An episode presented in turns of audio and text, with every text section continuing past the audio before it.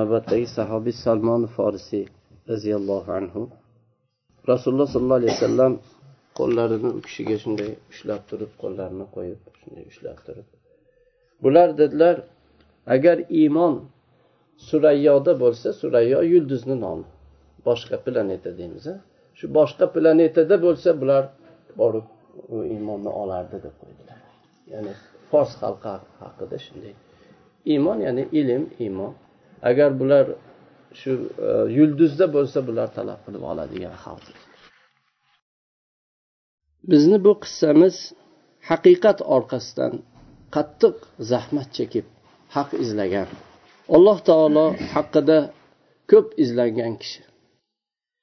Salmon forsiy roziyallohu anhu. Alloh u kishidan rozi bo'lsin. Alloh u kishini rozi qilsin. Salmon forsiyni o'zlariga bu qissani rivoyatini o'zlariga beraylik. U kishi o'zi rivoyat qilsin qissasiga mm, o'zlarini qissalarini hodisalarini bizga o'zi. U kishini e, hissi chuqurroq yana o'zi boshidan kechirgan yaxshi o'zi anglaydi va rivoyatlari ham daqiqroq va sodiqroq bo'ladi. Salmon roziyallohu anhu aytadilarki men isfahon ahlidan fors fors yigit edim. Fors millatidan edim jayyon degan bir qishloqdan edim.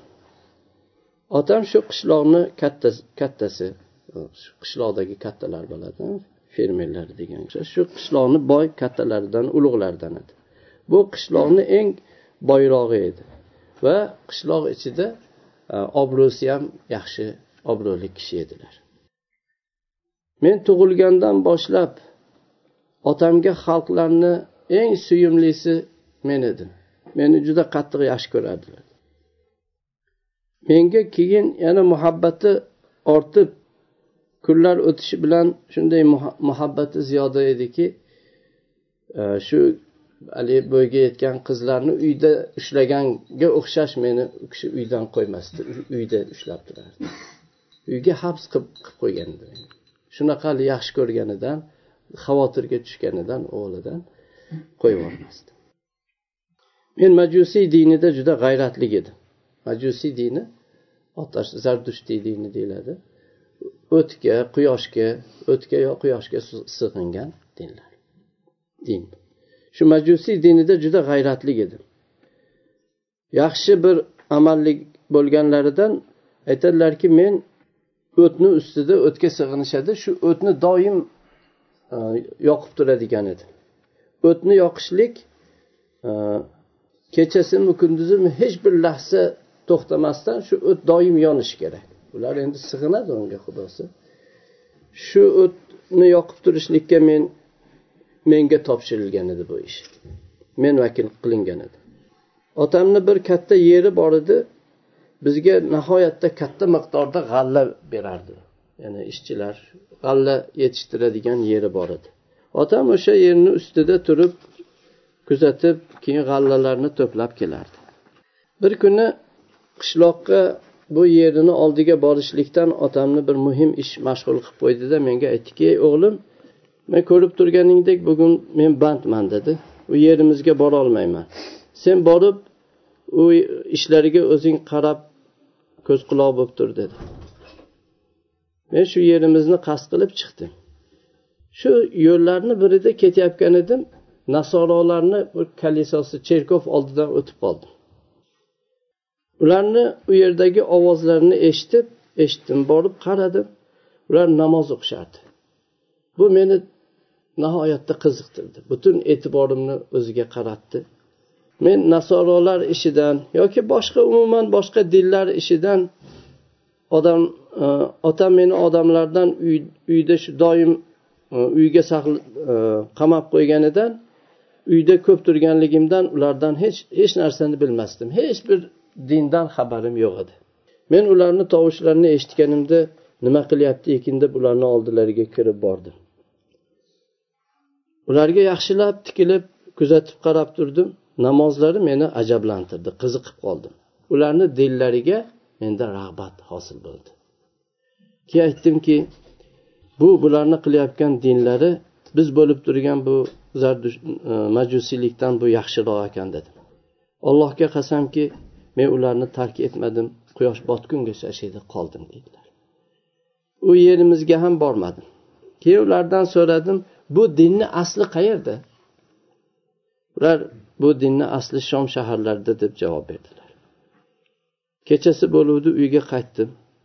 Otam menga yo'liqib bugun nima ish qilding o'g'lim? deb so'radi. Ey ota men bir e, kalisoda namoz o'qiyotgan cherkovda namoz o'qiyotgan odamlar oldidan o'tib qoldim. Ularni bu dinlari meni qiziqtirdi.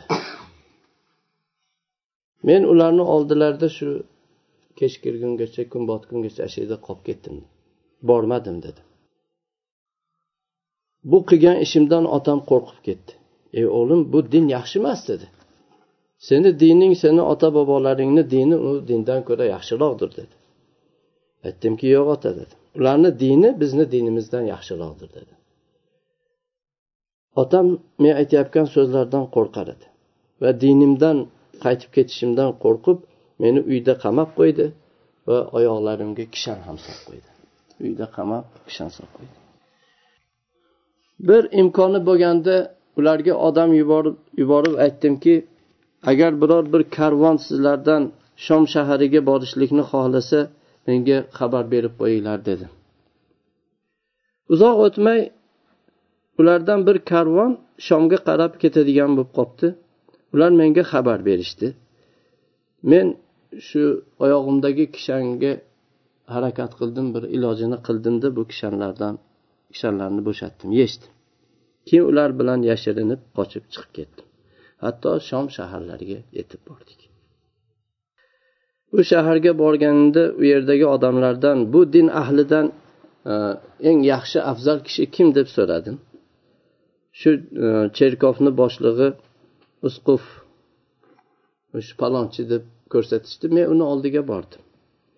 Aytdimki men shu nasroniylikka qiziqib qolganman va seni lozim tutib sen bilan birga bo'lib senga senga xizmat qilishlikni yaxshi ko'raman dedi sendan bu dinni o'rganaman va sen bilan birga namoz o'qiyman dedi ha kir kel dedi. Kirdim uni oldida qoldim. Unga xizmat qilar edim ko'p o'tmadi bu odam yomon odam ekan men uni bilib qoldim o'zini tobelariga unga ergashgan odamlarga sadaqaga buyurardi. Keyin ular sadaqotni olib kelsa savoblariga rag'batlantirardi sadaqa bersanglar buncha bir ajri mukofoti deb. Sadaqa olib kelib berishsa ollohni yo'lida sarf qilmasdi. Hech bir narsani sarf e, bermas edi ya'ni haqdorlarga bermay u o'ziga saqlardi. Miskinlarga hech narsa bermasdi. Hatto uni oldida shunday qilib qo'lida e, yettita katta xumlarda oltin kumush yig'ilgan edi. Men bu odamni juda qattiq unda bu axloqni ko'rganimdan yomon ko'rib qoldim. Keyin bu ko'p o'tmay o'ldi. Nasorolar buni dafn qilishga shu to'planib kelgan vaqtlarda ularga bu sizlarni sheriginglar bu boshlig'inglar yomon odam. Bu sadaqaga buyuradi. Sadaqani savoblariga sizlarni targ'ib qiladi. Unga sadaqani olib kelib bersanglar o'ziga saqlaydi. Miskinlarga bu sizlar bergan sadaqotdan hech narsa bermas edi deb aytdi ular menga buni qayerdan bilding san deyishdi. Sizlarga xazinalarini ko'rsatib qo'yaymi dedim. Ko'rsat deyishdi. Ularni joyiga olib borib ko'rsatdim. U yerdan shu yettita xumni oltin kumush bilan to'la xumni chiqarib olishdi. Uni ko'rgan vaqtda aytishdiki allohga qasamki biz buni dafn qilmaymiz deyishdi. Keyin uni osishdi o'ligini osib tosh e, toshbo'ron qilishdi. Keyin e, biroz o'tgandan keyin uni o'rniga boshqa bir odamni saylab qo'yishdi. Men bu odamni lozim. Endi dunyoda bundan ko'ra zohidroq oxiratga qiziquvchiroq va ibodatda kechasiyu kunduzi zahmat chekadiganroq boshqa bir insonni ko'rmaganman. Bu odamni shunday yaxshi ko'rib qoldim deydi. Va uni oldida bir qancha vaqt turdim. Uni ham vafoti vafot vaqti kelgan vaqtida aytdimki ey palonchi meni kimga tavsiya qilasiz? Kimga kim bilan birga bo'lishimni nasihat qilasiz? dedim. Aytdiki ey o'g'lim men shu mavsil degan shaharda bir odam bor shundan boshqa biz bo'lib turgan bu haq dinda qolgan biror kishini bilmayman. U palonchi dedi. U ham bu dinimizni o'zgartirmagan shu tavhidda turgan kishilardan. Shunga borib o'sha odamni oldida bo'l dedi. Iroqdagi shaharlardan eski shaharlardan bittasi. U kishi e, nimadan shomga keldi iroqqa ketdi? Erondan isfahon bu eronni markazidagi shaharlardan. Tehron sherozlarni o'rtasida. U yerdan shu kelib e, shomda turdi keyin mana musilga iroqqa ketdi. Shu mavsildagi odamni oldiga bordim. Unga xabarlarimni aytib berdim men mana shunday shunday bo'lganman deb. Palonchi o'limi vaqtida senga kelib qo'shilib olishimni vasiyat qildi dedi. Keyin menga sizni shu dinni haq dinni mahkam ushlagan deb xabar bergan edi. U odam meni oldimda tur shu yerda turaver o'g'lim dedi. U bilan turdim. U odamni ham yaxshi bir holatda yaxshi kishi ekan yaxshi ahvolda topdim. Keyin u kishi ham vafot vaqti yaqinlashuvdi. Aytdimki falonchi mana siz ko'rib turgan ollohni ishi shunday kelib turibdi. Meni ahvolimni siz bilasiz. Meni endi kimga tavsiya qilasiz? Men kimni oldiga boray? Kimga borib xizmat qilishga buyurasiz dedi. Ey o'g'lim biz bo'lgan bu haq din ustida shu nusaybin degan shahar bor o'sha yerda falon falonchi bor o'shani oldiga bor dedi. Bu nusaybin endi turkiyada. Turkiyaga keldi u kishi. Bu kishini qabriga qo'yib dafn qilgandan keyin bu nusaybinga bordim. Bu odamni topib unga shu meni hamrohim bu kishi buyrug'ini vasiyatini u kishiga bildirdim. U odam meni oldimda shu yerda tur dedi. U ham bu ikkita sherigiga o'xshash juda yaxshi odamlardan ekan. U kishini oldida turdim. U kishi ham vafot e, umri tugadi shu vafot vaqti hozir bo'lganda. Aytdimki meni ishimni siz bilasiz. Endi kimni oldiga boray men kimga qo'shilay borib dedim. U kishi aytdiki ey o'g'lim dedi. Ammuriya degan joyda o'sha yerda bir kishi bor palonchi dedi. Shunga borib unga qo'shilgin. U shu odam yaxshi dedi. Men borib bu endi boshqa shom shaharidagi boshqa bir shaharga ketdi. Borib uni topdim. U kishiga xabarlarimni xabar berdim. U kishi bizni oldimizda turaver dedi. Shu yerda turdi. Bu kishi ham shu sheriklariga o'xshagan haqni mahkam ushlagan zohid ibodatlik shunday olim kishi edi. Shuni oldida turdi. Bu kishini oldida turganimda men e, bir qancha sigir qo'ylar ham qo'limga keldi. Bir dunyo ham hosil qildim deydilar. Keyin bu kishini ham umri bitib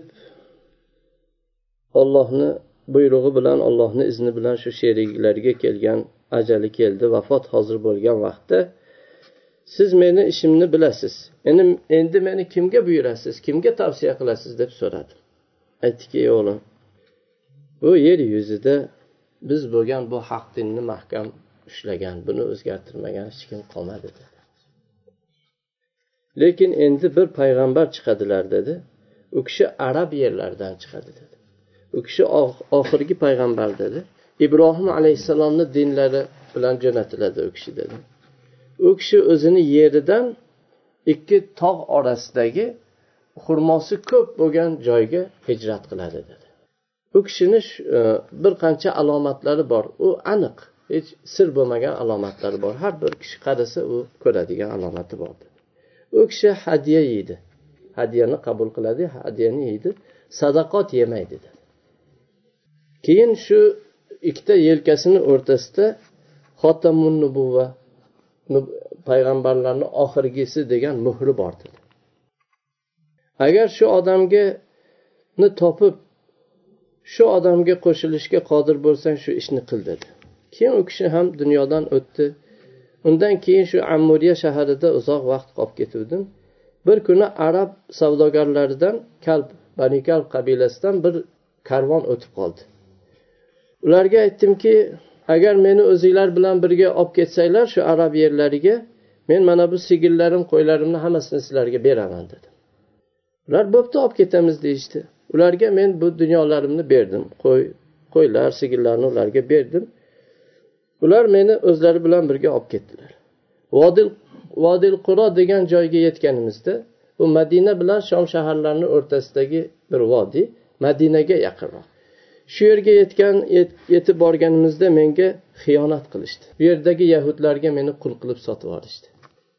Ham dunyosini oldi ham o'zini ham sotib pulini olishdi. Keyin shundan keyin men bu yahudiyni quli xizmatkori bo'lib qoldim. Bir kuni bu yahudiyni bir qarindoshi bani qurayza yahudlaridan buni ziyoratiga keldida meni undan sotib oldi. Meni o'zi bilan birga yasribga madinaga olib ketdi